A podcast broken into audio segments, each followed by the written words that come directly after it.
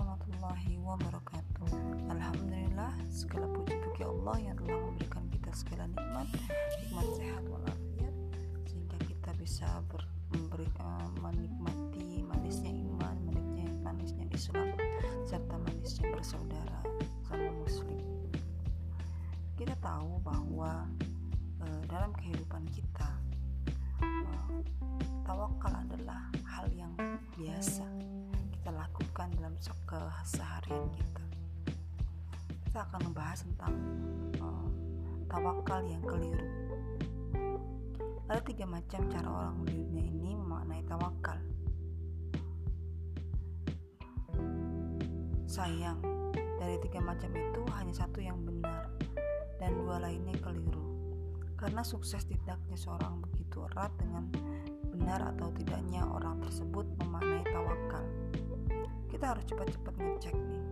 Mungkin dari pencapaian kita sekarang dari mendapatkan kita sekarang dari tingkat kesuksesan lahir dan batin yang kita capai sekarang jika memang ada yang masih belum eh, sesuai harapan mungkin karena selama ini ada yang keluar dari eh, ada yang keliru dari cara kita memaknai tawakal. Salah satu uh, paham tawakal yang pertama ya. Tipe salah paham tawakal yang pertama. Yang pertama adalah menyerahkan sepenuhnya kepada Allah Subhanahu wa taala. Pasrahnya full tanpa ada ikhtiar sama sekali. Tanpa mengusahakan apa yang diinginkan. Berdoa siang malam minta rezeki tapi tidak mau berusaha sama sekali. Tidak mau bekerja sama tidak mau bekerja tidak mau berdagang cuma berdiam diri sambil menunggu rezeki datang. Yang ini gawat ya. Ini pemahaman tawakal yang keliru, mengakibatkan semangat hidup loyo, menjadi malas berusaha sehingga tidak akan pernah apa pun, tidak akan meraih apa pun yang diinginkan. Mereka mengaku mutawakilun, orang yang bertawakal, padahal sebenarnya mereka hanya mutawakilun, orang yang berpangku tangan. Mereka tidak mau terikat dengan sunatullah, tidak ingin terikat dengan hukum sebab musabab.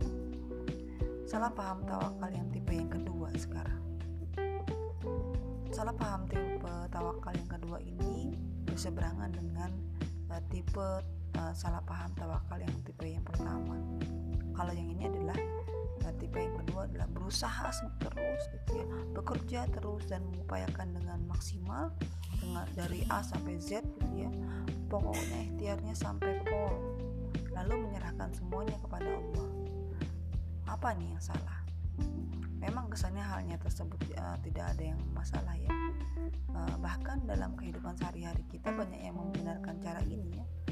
Bukankah kita harus berusaha lalu menyerahkan hasilnya kepada sang penentu yaitu Allah Subhanahu wa taala? Nah, di sini ada yang kurang tepat di situ ya.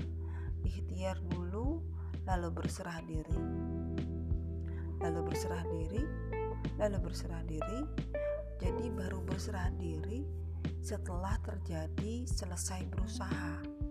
Berarti saat ikhtiar berlangsung, saat kita berusaha, saat kita bekerja tidak ada tawakal di sana.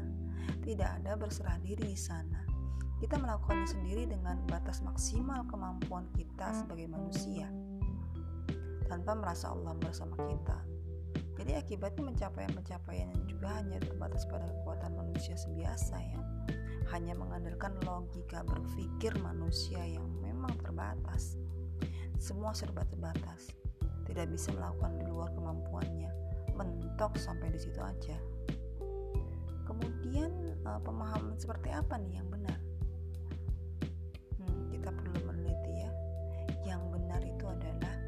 Tawakal sebagai penyangga utama kehidupan, berserah diri selama dan sesudah berikhtiar. Jadi sebelum berikhtiar, selama berikhtiar dan sesudah berikhtiar itu tawakal terus. Setiap saat menyelimuti keyakinan akan kekuatan Allah, yakin bahwa Allah adalah backingnya yang selalu bersama kita, terutama saat kita sedang berikhtiar pemahaman ini akan menghasilkan energi dan gairah yang besar sehingga mungkin kita meraih pencapaian-pencapaian yang luar biasa. Even beyond our capability. Pemahaman ini adalah pemahaman yang dipakai oleh generasi-generasi awal Islam. Mereka bertawakal kepada Allah dengan se seutuh-utuhnya sebenar-benarnya. Oleh karena itu apa pun permasalahan mereka hadapi dapat diselesaikan dengan baik. Mereka pun mempunyai semangat dan uh, berani mimpi yang besar ya.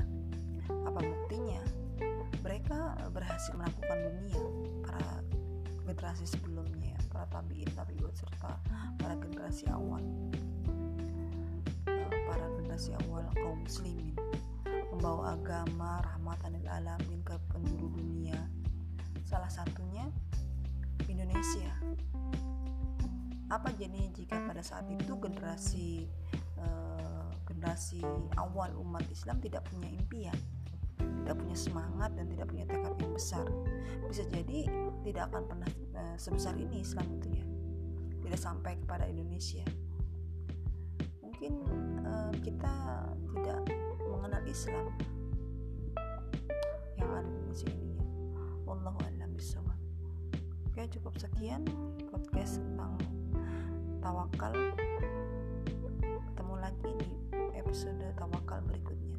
Wassalamualaikum warahmatullahi wabarakatuh